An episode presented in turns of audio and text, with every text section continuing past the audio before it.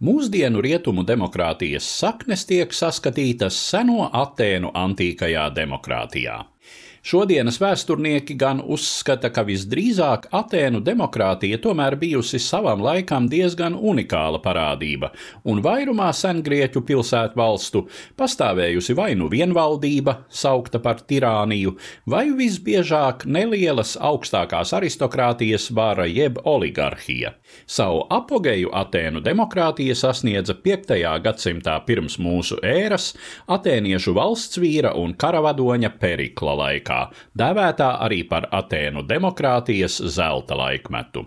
Pēc uzvaras karā pret varano Persijas impēriju Atēnas kļuva par dominējošo spēku tā sauktajā Dēlas savienībā, kurā bija apvienojušās Grieķu pilsētvalstis.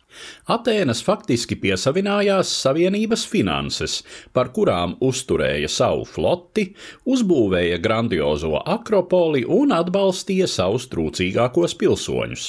Tā skaitā trūcīgākajiem tika apmaksāts laiks, kuru viņi veltīja darbojoties valsts padomē, tiesās un pilsētas pārvaldē. Augstākā lēmēja vāra piederēja tautas sapulcei jeb eklēzijai, kurā piedalījās apmēram 6000 no pavisam 30 tūkstošiem pilntiesīgo Atēnu vīriešu. Lai mazinātu aristokrātijas ietekmi, lielākajā daļā amatu pretendenti iekļuva ar lozes palīdzību. Vēlēti tika vienīgi armijas komandieri, stratēģi un valsts finanšu pāraugi. Zelta laikmeta beigas iezīmēja Peloponesas kara sākums 431. gadā pirms mūsu ēras. Daudzas Grieķijas polisas neapmierināja Atēnu uzkundzēšanās, un tās izveidoja koalīciju ap Spartas valsti. Abu pušu spēki bija aptuveni līdzīgi un cīņa nežēlīga. 415. gadā pirms mūsu ēras Atēnas uzsāka liela mēra militāru avantūru, uzbrukumu Sirakūzu pilsētai Sicīlijā. Pāris gadus vēlāk ekspedīcija beidzās ar katastrofu. Atēnās arvien noteiktāk sāka izpausties viedokļi, ka pie kara neveiksmēm vainojama demokrātiskā pārvalde.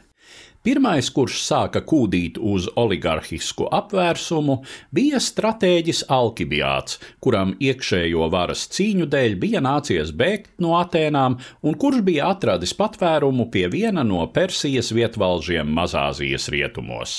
Viņš ieradās Atēnu flotes dislokācijas vietā Samas salā, Egejas jūras austrumos un sāka kūdīt flotes vadoņus doties uz Atēnām, gāzt demokrātisko pārvaldi un nodot vāru oligarhiem oligarhiem.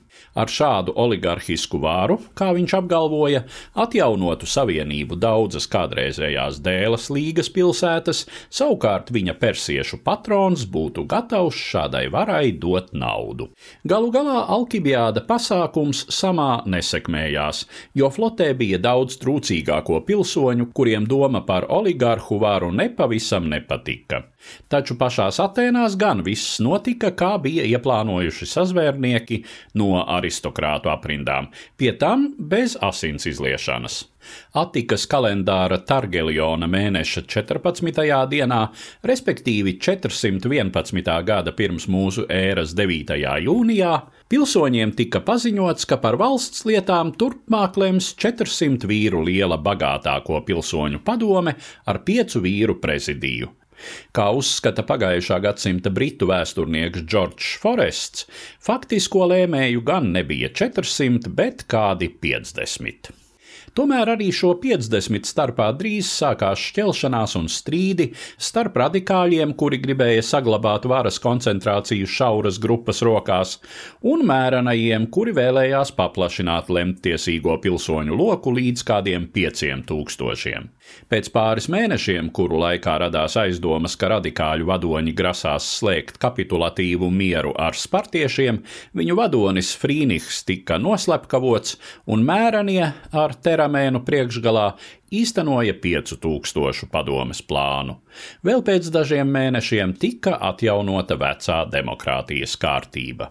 Tas gan neglāba Atēnas no galīgās sakāves Peloponēsas karā, desmit gadus vēlāk Atēnu demokrātijas zelta laikmets bija pagājis uz neatgriešanos. Tomēr atsevišķi demokrātijas elementi šai pilsētā turpināja pastāvēt vēl ļoti ilgi. Stāstīja Eduards Liniņš.